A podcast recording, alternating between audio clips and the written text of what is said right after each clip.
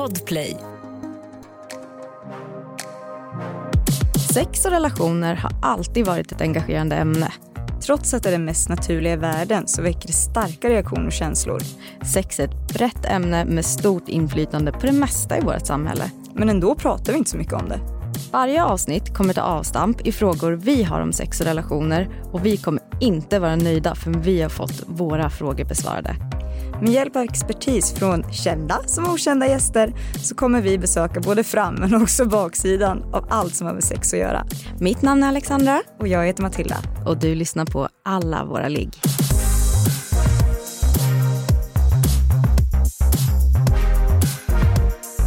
I dagens avsnitt tänkte vi ta reda på vad vi har för olika krav och förväntningar på kvinnor och mäns sexualitet. Går det att ha ett jämställt sexliv? Det ska vi ta reda på idag. Välkommen till alla våra ligg.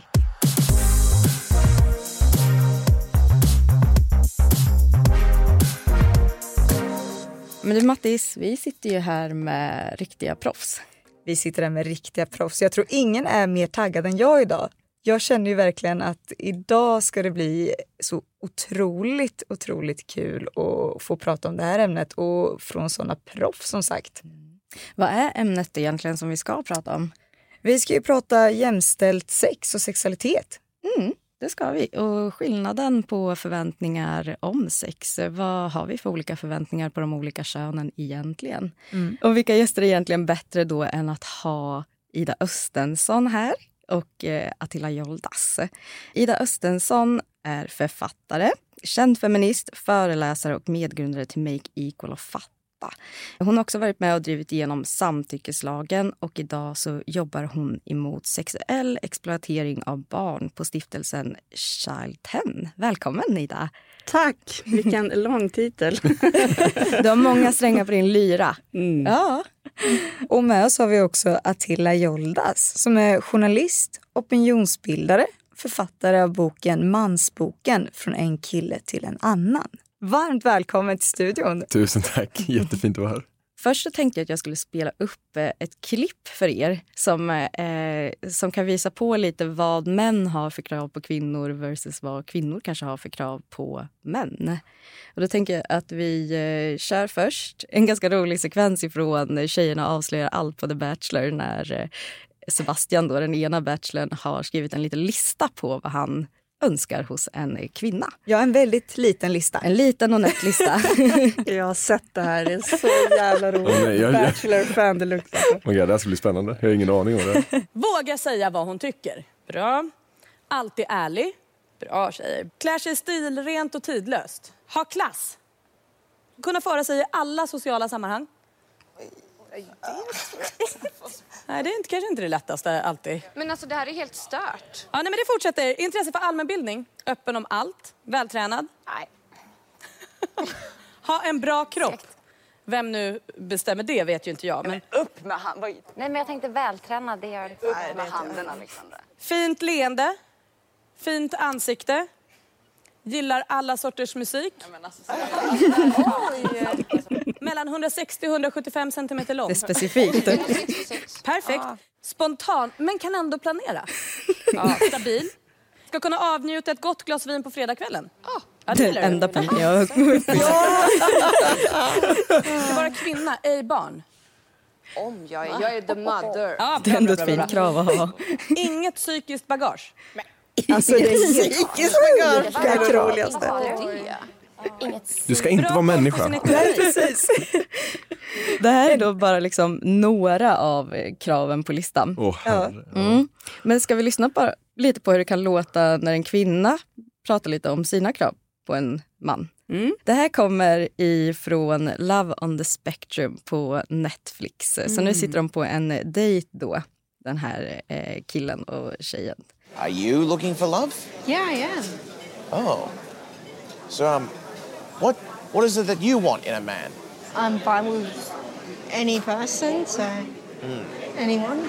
Oh, As long as they love me for who I am. And nice. Det var en lite kortare lista. Det är lite kortare, lite skillnad.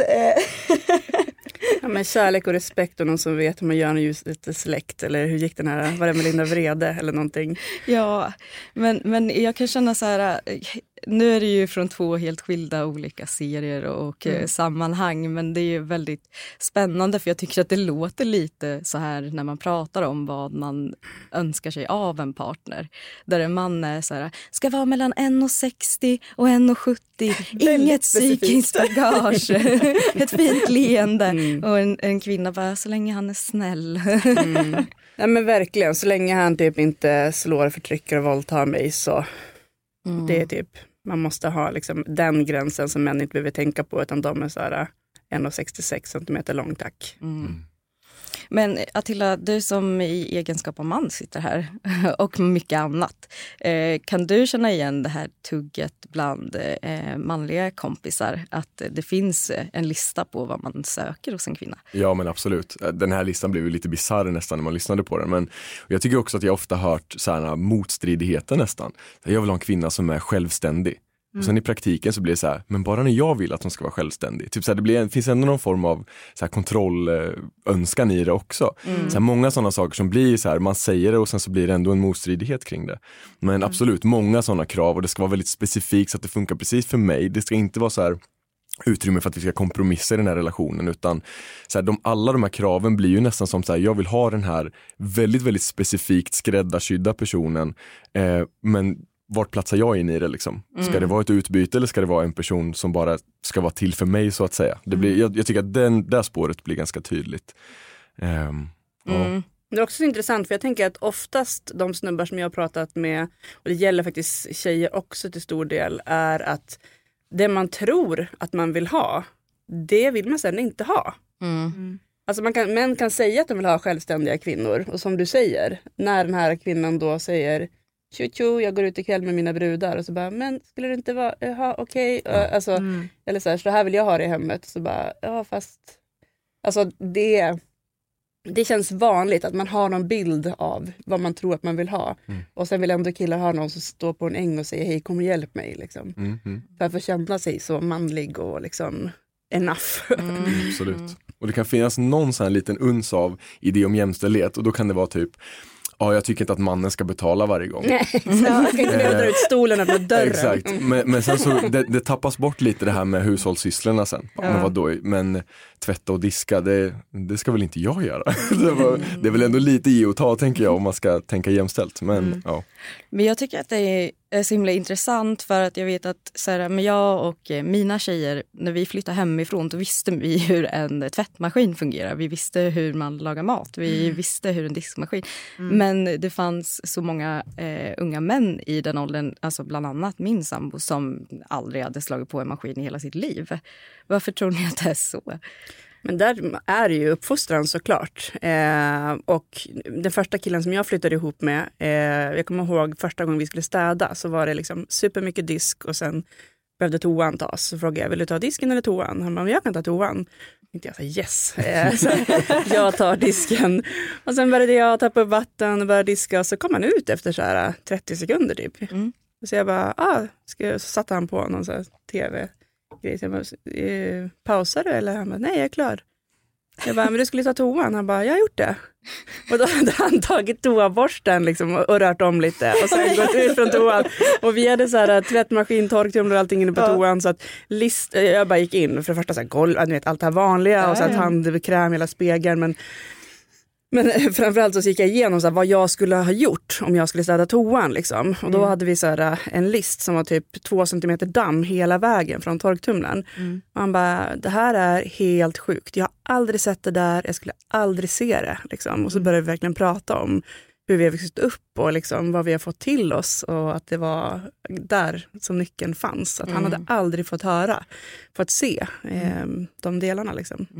Jag är lite intresserad av liksom, vad tror ni att kvinnor versus män har för förväntningar på sig när det kommer till sex och sexualitet? jag utgår ifrån mig då som, som snubbe. Ehm, det har ju varit ett brett spektra av olika förväntningar. Eh, och det har ju varit allt ifrån den här macho-grabbiga inställningen där man snackar om att ah, vem är det som har legat med flest liksom. Det där snacket kommer jag ju verkligen ihåg ifrån typ högstadiet redan.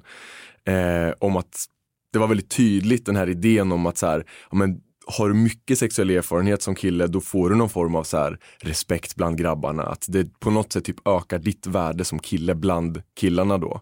Ehm, men det, är lite, det andra kommer ju bort då. Alltså det var ju mer snack om att just ligga med så många som möjligt och den här idén om att man ska pusha liksom och ta för sig som kille och liksom ta initiativ och vara den här så kallade modiga liksom som vågar gå fram och pusha och sådär. Eh, de här orden som hon spelar bara svår, typ. alltså de här riktigt dumma grejerna. Väldigt liksom icke okej sakerna som, som var ett ganska tyvärr vanligt tugg.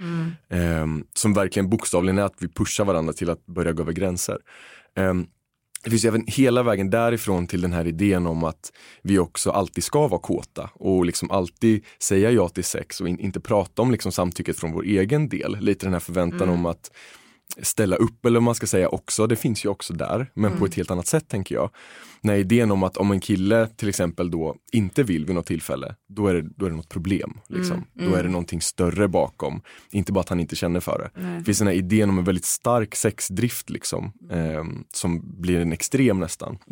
Eh, Så det finns ju lite båda de där aspekterna. Dels den här riktigt dumma machosidan, liksom så här, där vi faktiskt ser kopplingen till att man går över folks gränser. Till den här idén om att vi ska vara den här tuffa killen även liksom för vår egen del och vårt liksom, samtycke i det.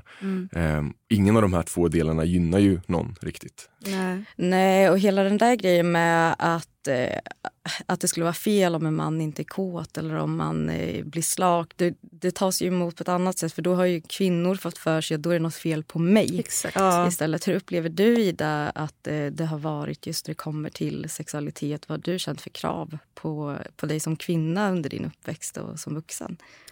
Men ni har ju ändå ett krav på något sätt att ni ska vara konstant eh, kåta och ligga mycket. Kvinnor har ju två på något sätt som inte går ihop på tal om den här listan.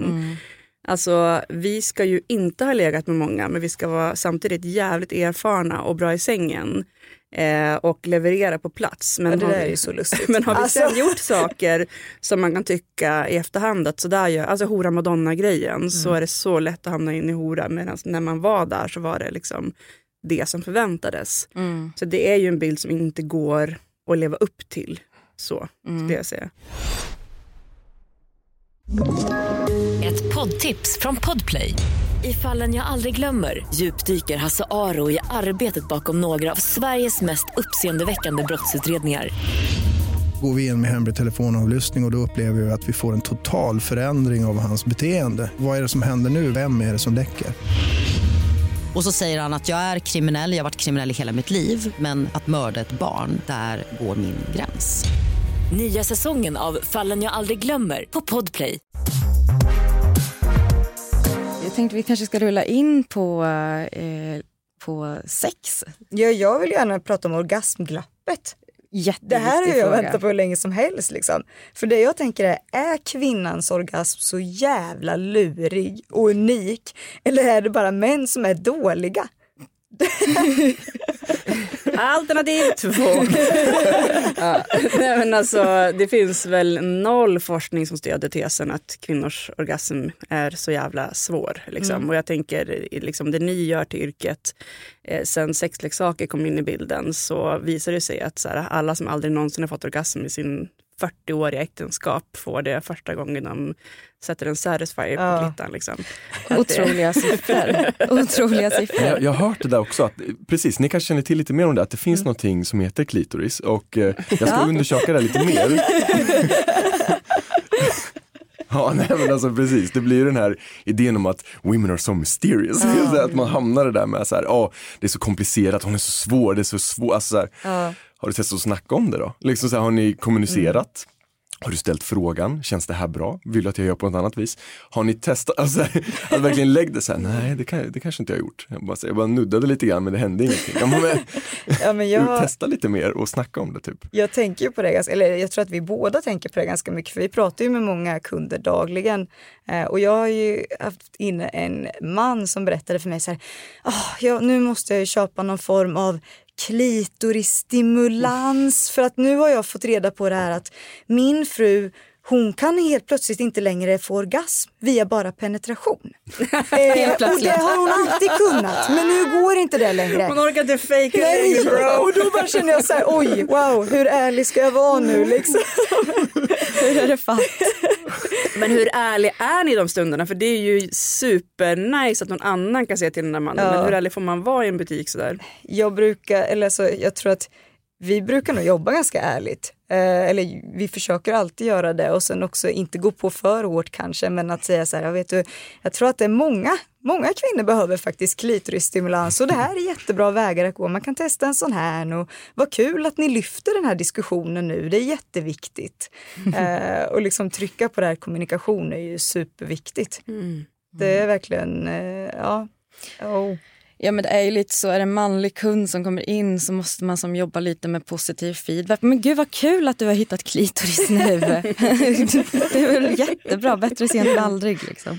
Det är som att det är en Pokémon som har har letat länge. Ja, precis. Gotta catch them all. Nej men det är väldigt intressant och jag tror att det handlar väldigt mycket om, bara om man går till eh, alltså medicinsk historia så var det inte alls länge sedan man inte ens trodde att kvinnor eh, kunde få någonting som liknade en manlig utlösning på det här Mm. sättet. Så jag, alltså jag tror att det handlar om att dels är det nog väldigt jäkla bekvämt att tänka att det är jättesvårt att ge en kvinnoorgasm för då behöver man ju inte behöver man inte tänka mer på det. Eh, men framför allt att vi har, eh, det har ju legat oss kvinnor i fatet väldigt mycket att, medicin, alltså att de som jobbar med medicin och forskning inte alls har lagt något krut på kvinnlig sexualitet förrän nu. Mm. Eh, det är ju en väldig skam.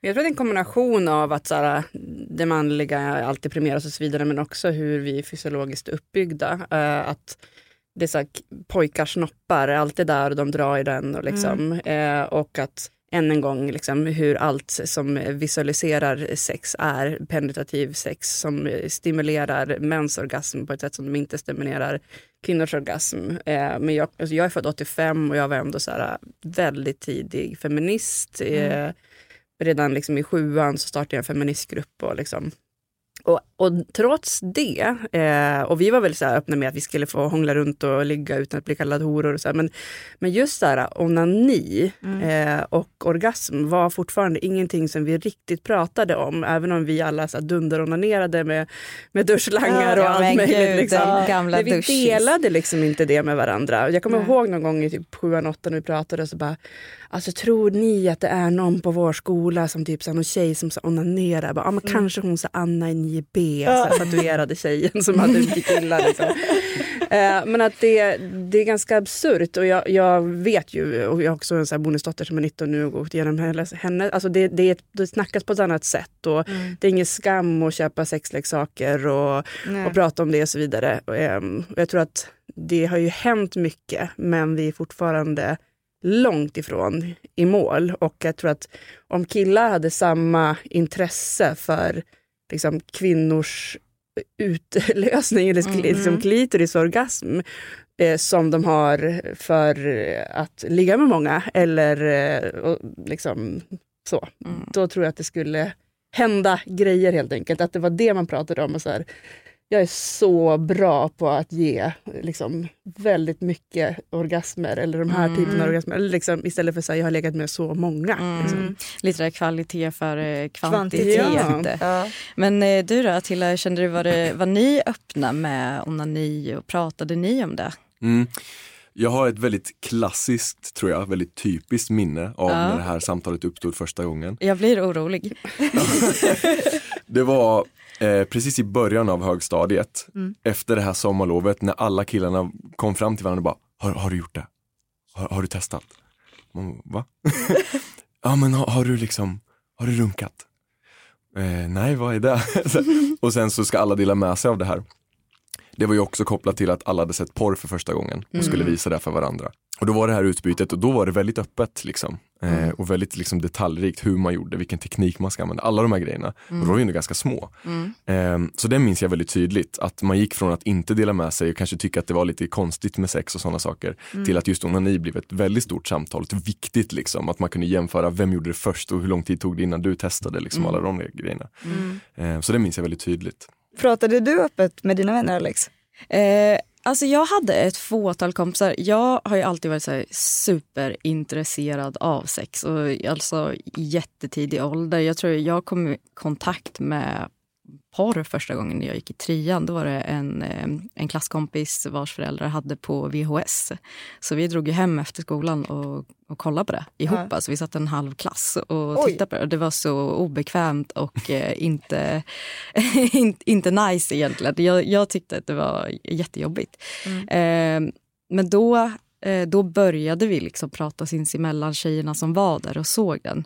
Och, eh, så att, ja, men jag tror vi pratade om onani ganska tidigt. Jag tror att jag upptäckte duschslangen väldigt tidigt. Mm. Eh, men man pratade ju aldrig om det med alltså, alla och inte i skolan och inte framför killar specifikt. Men jag tror att jag ändå hade ett par som jag kunde prata om det med. Du då Mattis? Ja. Ja, men jag hade ju en nära vän som var väldigt på att prata om det. Hon tyckte att det var så himla intressant. Och jag tror nästan att det var hon som byggde upp mitt intresse för det. Att liksom så här, ja, men hon, var så himla, hon var så himla bra för hon var alltid så här, ja men det är väl klart att du också ska ha det bra.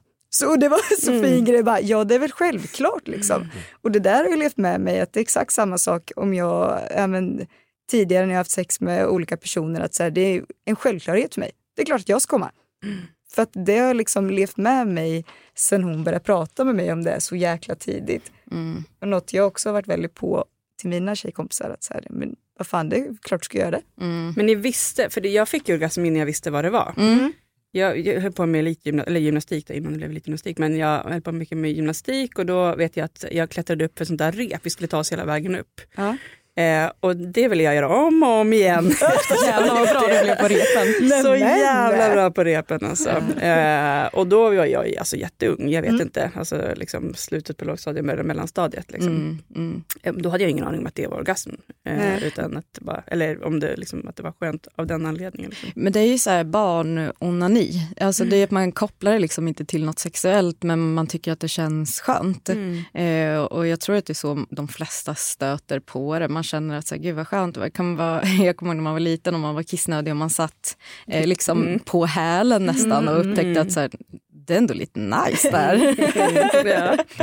Sjukt.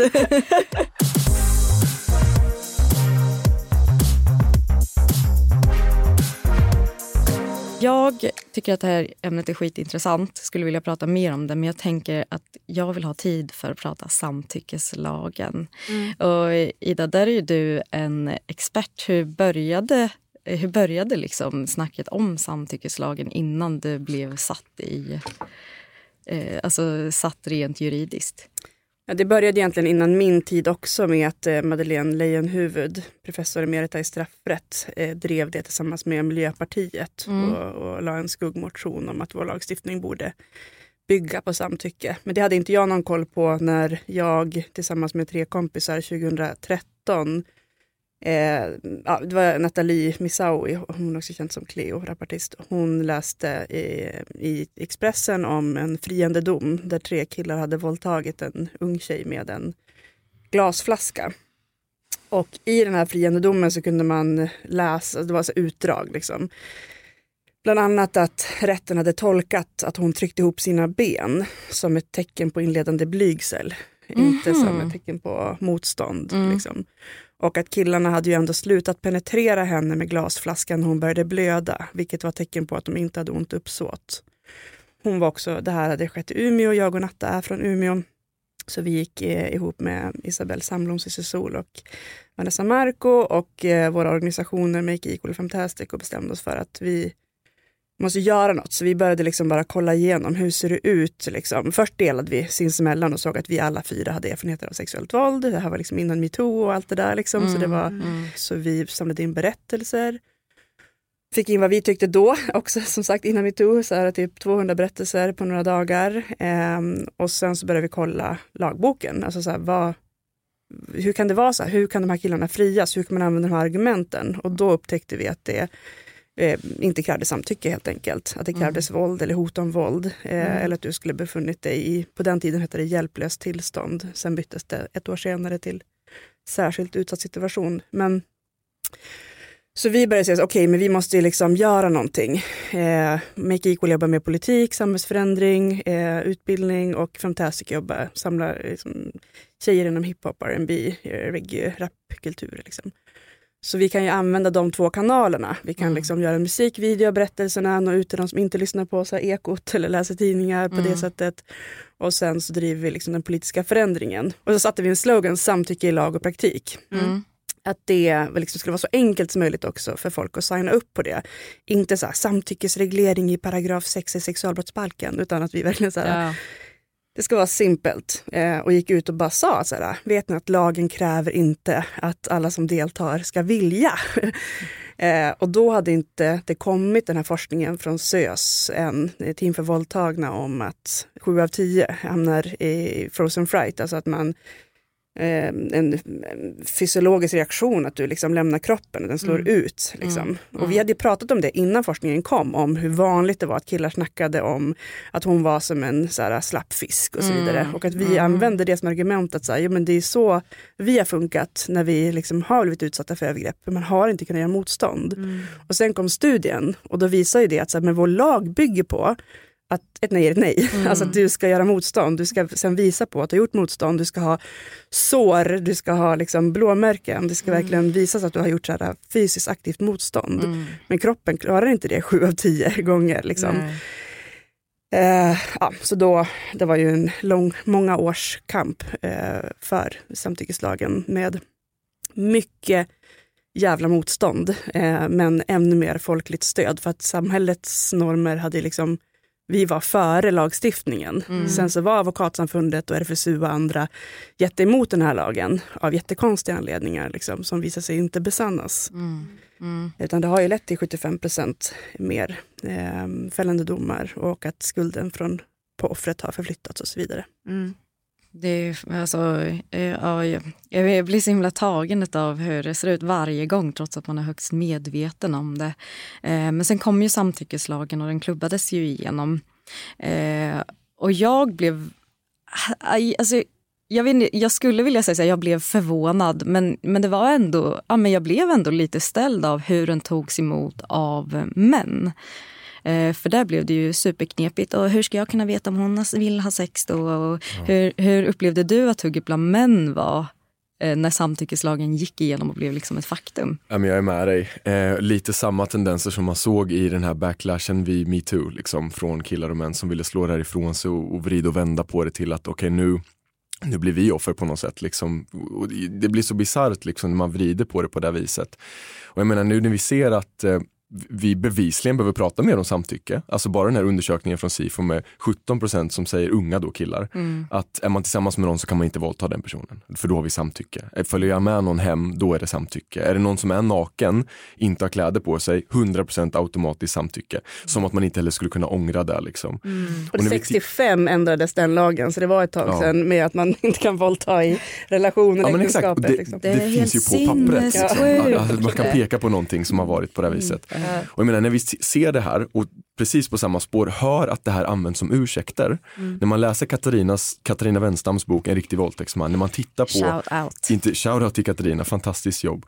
Eh, när man tittar på intervjuer med dömda våldtäktsmän och liksom kollar på dokumentärer om dömda liksom sexualförbrytare så säger ju de de här sakerna som ursäkter, men vi var ju tillsammans. Mm. Man kan inte våldta sin flickvän, men hon följde faktiskt med mig hem, då var det uppenbart. Mm. Eller jag var på den här festen, gick in i rummet, hon var naken, vilken kille som helst hade tänkt likadant. Mm. Det här klassiska som kommer upp också, mm.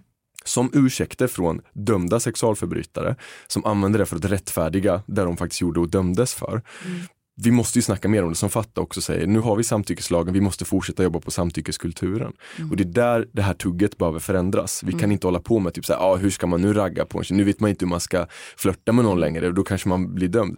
Ja men brorsan, kom igen. Alltså steppa upp några steg.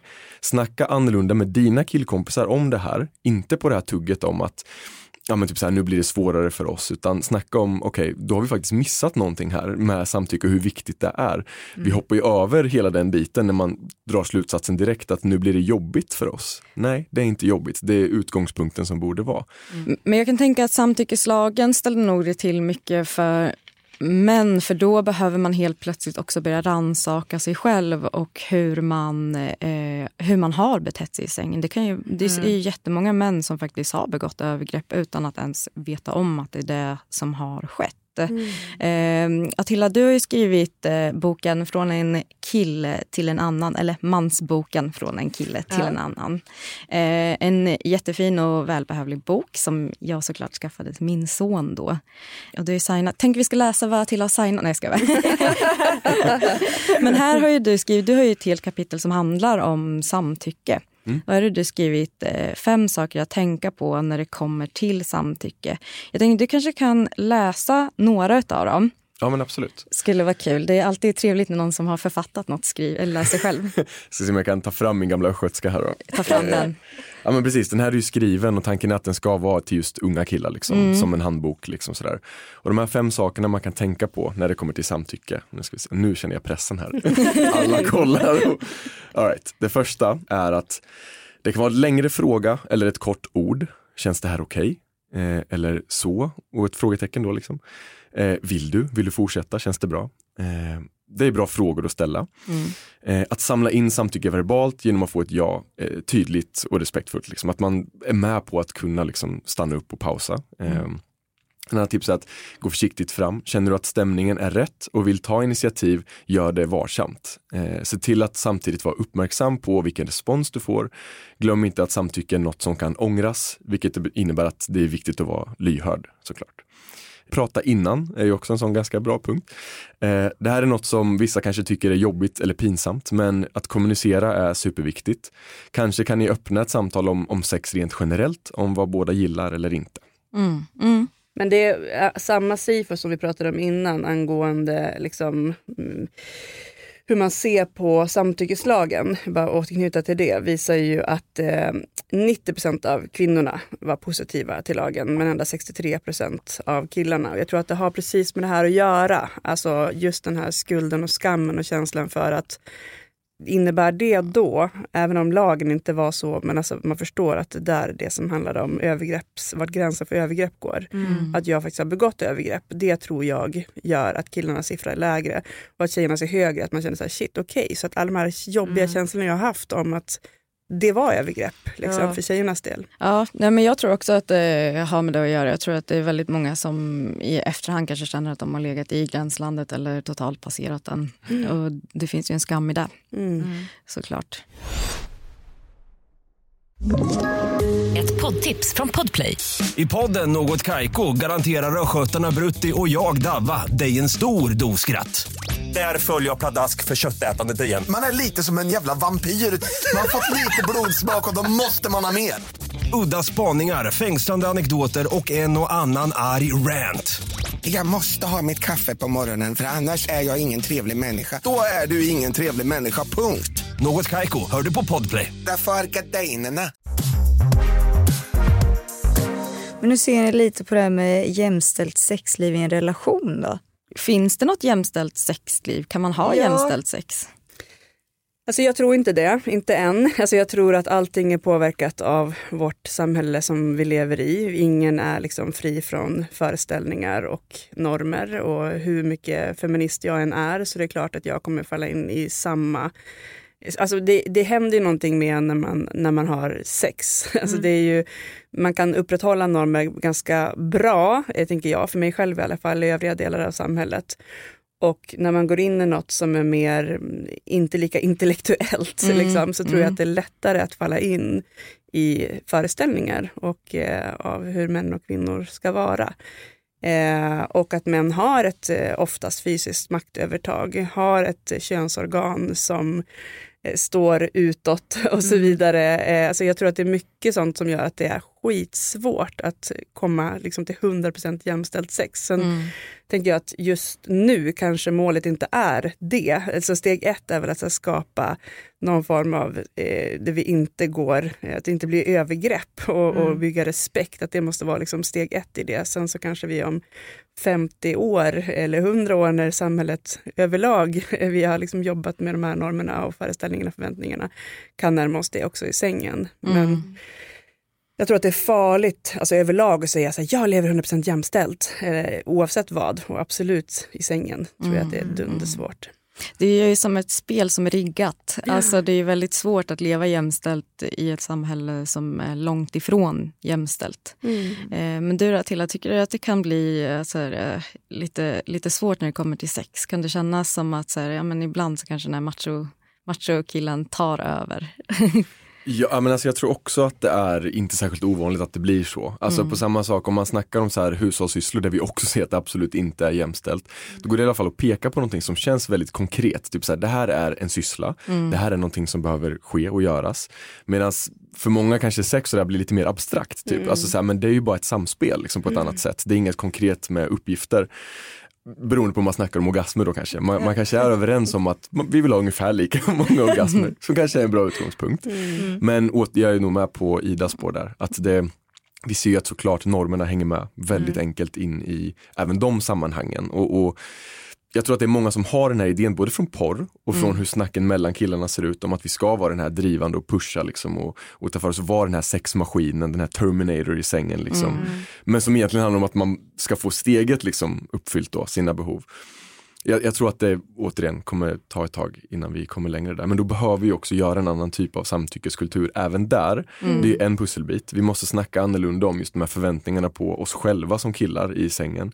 Eh, och kunna nyansera det här lite grann än att vara just den här dominanta, den som ska bestämma och så vidare. Liksom. Mm. Vara lite mer lyhörd och liksom, ja, Mm. andra bitar som är vik- viktiga. Liksom. Så. Och börja tidigt. Alltså vi på Make Equal har precis släppt en bok som heter Okej med dig som är ett komplement till Stopp min kropp. Alltså att vi så tidigt med barn utgår från att, för vi gick ju, samtyckslagen är ju, om man ska förenkla det, att gå från ett nej är ett nej till allt annat än ett ja är ett nej. Mm. Även om den förra lagen inte ens tog ett nej är ett nej. i vanlig- Alltså, men det är ändå förflyttning i perspektiv liksom, och ansvar. Men barn var det fortfarande kvar i att vi pratar om de här sakerna så är det liksom, ja men dina privata delar och kroppslig integritet och sen så är det så här, ni måste lära er säga stopp. Eh, men då har man ju hoppat över steget av att, så här, fast först måste vi lära oss av att kolla av andras gränser och innan det kolla av vad våra gränser är. Hur ser jag ut? Hur känner jag när jag vill och allt känns bra? Eh, eller när jag inte vill eller när jag inte vet. Och att inte veta betyder också nej och så vidare. Jag tror att det är så viktigt som du säger, att det handlar inte om sex när vi jobbar med barn, utan det handlar om att bygga en kultur där man lär sig av att det inte är liksom övertalan som är liksom grunden. Forskning visar att det svåraste som vi, ja men ni vet själv, någon frågar sig, ah, men vill du komma på fest i helgen? Alltså jag nej jag vill inte. Mm. Aj, aj, aj, aj, aj. Har ni sagt det någon gång? Nej, all, alltså hur svårt? Bara, alltså jag har lite mycket, lite trött just nu, mycket på jobbet. Jag har typ min farmor kommer, just hon är död, men eller någon kommer. Alltså att man så här, hittar liksom undanflykter istället för att bara säga så här, vet ni, jag, jag vill inte, jag orkar inte det helgen. Eh, och, och, och det, jag tror att det är den grejen, när vi vet att det är så svårt så måste vi jobba med det så himla himla tidigt. Mm. Vi har kollat lite på två undersökningar. Eh, då är det en i Sverige och eh, en i USA där man pratar om eh, vilka par har eh, flest sex. Är det de som är jämställda eller är det de som har de här typiska mans och kvinnorollen? Va, vad tror ni? Alltså, jag tror kanske tyvärr, jag vill säga den andra, eh, men i alla fall det jag, alltså jag menar vi är fortfarande inte fria från allt. Alltså de jag känner till exempel som mår allra sämst av mina kompisar, de har allra mest sex. Mhm. Eh, för att det liksom blir någon form av, det är då jag känner mig som mest värd. Att man blir liksom uppskattad genom att någon vill ligga med mig. Det blir en sån viktig del och när man då blir avvisad så är det har man inte så mycket annat att falla tillbaks på. Och att man Mm. alltid kan gå till det. Mm. Så att av den anledningen så kan jag tänka i ett patriarkalt samhälle är det ganska enkelt eh, med de könsstereotypa rollerna. Samtidigt så vill jag tro att vi har liksom gjort den här, eh, jag vet ju att så här, i mig själv så handlar det ju framförallt om så här, har min partner, har vi det bra? Har han diskat och hjälpt till och jag är utvilad och jag har fått sova och så vidare, då vill jag ligga. Liksom. Mm. Så av den anledningen vill jag säga eh, jämställda par, att vi kanske börjar komma dit. Mm. Eh, I Sverige så, eh, så är det så. Att Mm. eh, där kvinnan framförallt upplever att mannen drar sitt liksom, strå till stacken så, eh, så är sexlivet... Jag kan, jag kan inte säga om det är bättre eller sämre men eh, man har eh, Sex oftare. oftare. Mm. Precis. Så i USA ser det annorlunda ut. Där är det, eh, om man är hemmafru till exempel och sen så har man en man som går till jobbet så är sannolikheten att ni har mer sex större. Vad tror du att det beror på, Attila? Hur kan det vara som skillnad? Det är jättesvårt. Jag har ju också kommit över en annan amerikansk studie om gifta par, heteropar, som lever jämställt och att man då har vad man upplever som bättre sex i alla Mm, fall. Eh, men jag kan faktiskt inte minnas nu när du säger att det handlar om att man har oftare liksom Mm, så. mm. Men jag tänker återigen, det kanske är att det är bra sex som Ja. är det man vill sträva efter.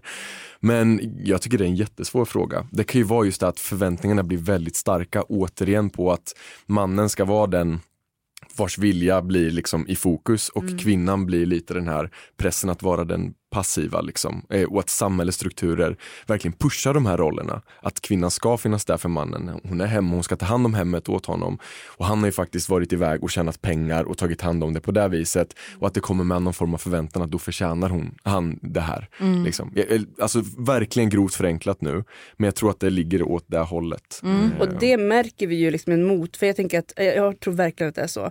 Och det är motrörelsen som sker i Sverige idag mot en jämställdhet som många av oss försöker bedriva. Eh, där vi ska komma till ett mer, mer jämställda relationer, ett mer jämställt samhälle och att det är så här, feminister är bättre sex-grejen liksom, som Mm. ju verkar stämma enligt forskningen då. Mm. Eh, men eh, då startas det också så här mansgrupper som vill gå tillbaks verkligen till så här, jägaren på savannen. Så Mm. Nu senast var det en P1-dokumentär, Manskvällen. Där han då berättar att han så alltid sökte efter någon som var liksom, likvärdig honom, högutbildad och så vidare. Men det funkade aldrig med sexlivet. Mm.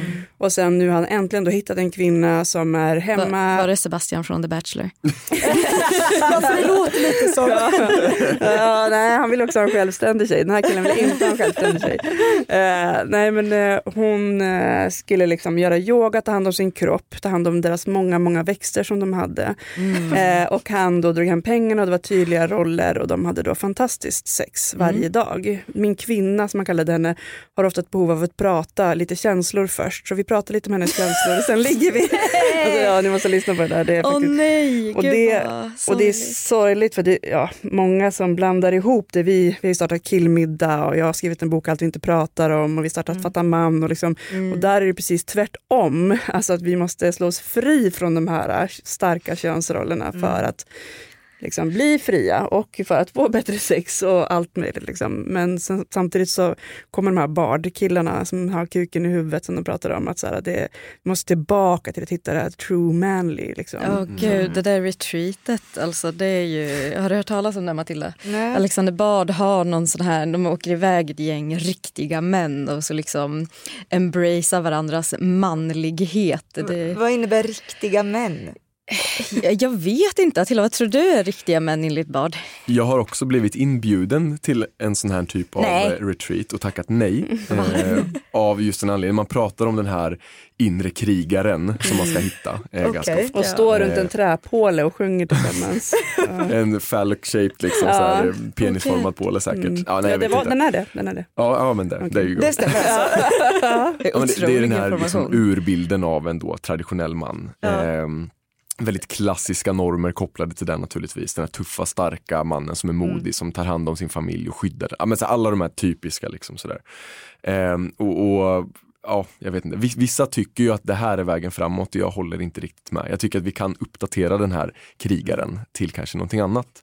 Krigare är ju inte direkt kopplat till någonting som är positivt. Vart är tänker jag. hotet liksom? i Exakt, det? Är kvinnorna som är hotet då? Hotet blir ju den egna identiteten. Ja. Om man är fast i det här så upplever man det som att vi sitter här och attackerar alla killar och så här, nu ni ska bli annorlunda, ni får inte vara män längre. Det det är inte särskilt ofta man får det motståndet. Mm. Och det är ju inte där det handlar om. Det handlar om att vi måste göra upp med de här idéerna som är förlegade, som är eller blir destruktiva för oss själva och för våra medmänniskor Mm. och göra annorlunda. Mm. Jag menar på samma sätt som de här studierna till exempel, jag har ju sett fler både i Sverige och i USA och i andra länder om heteropar som lever tillsammans. När man jämför Det är med till alltid exempel heteropar. Mm. Jag vill bara tillägga, det är de enda siffrorna vi har tillgång Ja. till. Ja men tyvärr. exakt, och när man jämför orgasmer till exempel, det är det är också väldigt intressant. Så ser man ju att i heterorelationer generellt sett så får ju mannen orgasm betydligt oftare än kvinnan. Om vi nu ska då snacka lite kvalitet eller vad man ska säga. Mm. Eh, jämför man det med så kallade samkönade par, kvinnor som lever med kvinnor och män som lever med män, så är det mycket närmare varandra i att liksom båda får orgasmer lite närmare nära lika ofta. så. Eh, och det säger också någonting, för även om det är så här, kommer vi till den här punkten att vi ser att men så här, ni ligger oftare i, heterorelationer, då kanske fortfarande bara är att det är mannen som får si, sina behov uppfyllda. Att kvinnan inte liksom blir prioriterad på samma sätt. Så det blir ändå så här, är det verkligen en sån relation som känns schysst och bra liksom för, för alla inblandade? Det, de aspekterna tänker jag också är väldigt viktiga. Eh, på samma sätt som liksom, vi, vi behöver ju också fler, det kan ju inte vara ett så här incentive för, för män att vara så här, ja men lev jämställt för då kommer du få ligga lite oftare. Liksom. Alltså det, ja, man vill ju inte heller hamna där utan det ska ju handla om vad det är för typ av sex ni har. Liksom. Det, det är ju det som är the core tänker jag. Mm, du tänker att det inte ska vara ta disken, ska inte vara liksom, det ska inte vara sex som är drivkraften i varför du För då det. blir det ju också lite den här förväntan, bara, jag diskade sönder de här tallrikarna, nu, nu, nu. Ja, men så här, det, det ska inte bli som en förväntan kring det heller tänker jag. Det är ju bara the bare minimum att dela upp det ni gör hemma och göra det så att det känns bra för er båda. Så att inte någon går runt med resentment och tänker så här, vad fan tar inte min partner tag i hemmet, det faller ju bara på mig hela tiden. Jag, jag blir på samma sätt, alltså så här, den emotionella biten, att känna att så här, mina behov i övrigt i relationen blir uppfyllda, då känner jag också mer lust. Då känner jag mer attraktion till min partner. Så det är, liksom, det är ju verkligen ge och ta egentligen som kanske ska vara det man, alltså det emotionella kopplat till att man får sina sexuella behov uppfyllda, när man får fler av de här grejerna så det blir bara bra grejer liksom. Jag önskar att vi kunde sitta och prata här typ eh, jättemånga timmar till för att det finns så himla mycket. Det skulle vara skitkul om ni ville komma igen. Gärna. Komma igen. Komma igen. Gärna. Tack snälla för att ni båda tog er tid och för att ni ville prata om det här superviktiga ämnet med oss. Ja, Tack själva. Tack själva. Hej då.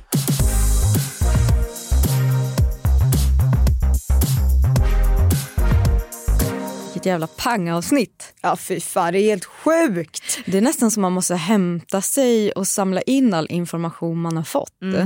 Men, men har vi ändå fått svar på våra frågor? Vad, vad, har, vad har kvinnor och män för krav på sig? Vi börjar med män. Ja men men där kan man ju, eller det, Attila berättar ju verkligen jättebra där att det finns ju också vissa liksom, krav och förväntningar på att man alltid ska prestera. Att det alltid ska vara liksom, åh jag är kåt hela tiden, dygnet runt. Mm. Att man ska ha legat med många. Ja, ja, ja, absolut. Och där skiljer det sig åt väldigt mycket till kvinnor. Ja verkligen, för där ska man ju ha haft sex med så få som möjligt. Och ändå liksom vara en gudinna i sängen. Det är så ohållbart Ja, och men det- osunt. Men vi har också lärt oss att män är jävligt bra på att skriva lister på vad de önskar sig. Ja, män är bra på listor, det kan vi konstatera. Eller bra kan man inte ens säga, men de skriver i alla fall många listor. Och sen har vi också lärt oss skitmycket om hur samtyckeslagen kom till. Och det tycker jag är superintressant, hur det blev en sån kontrovers. Men vi är ändå tacksamma. Vi är otroligt tacksamma. Så tack för att ni har lyssnat idag. Och vi ses nästa vecka på torsdag. Hej då! Hej då!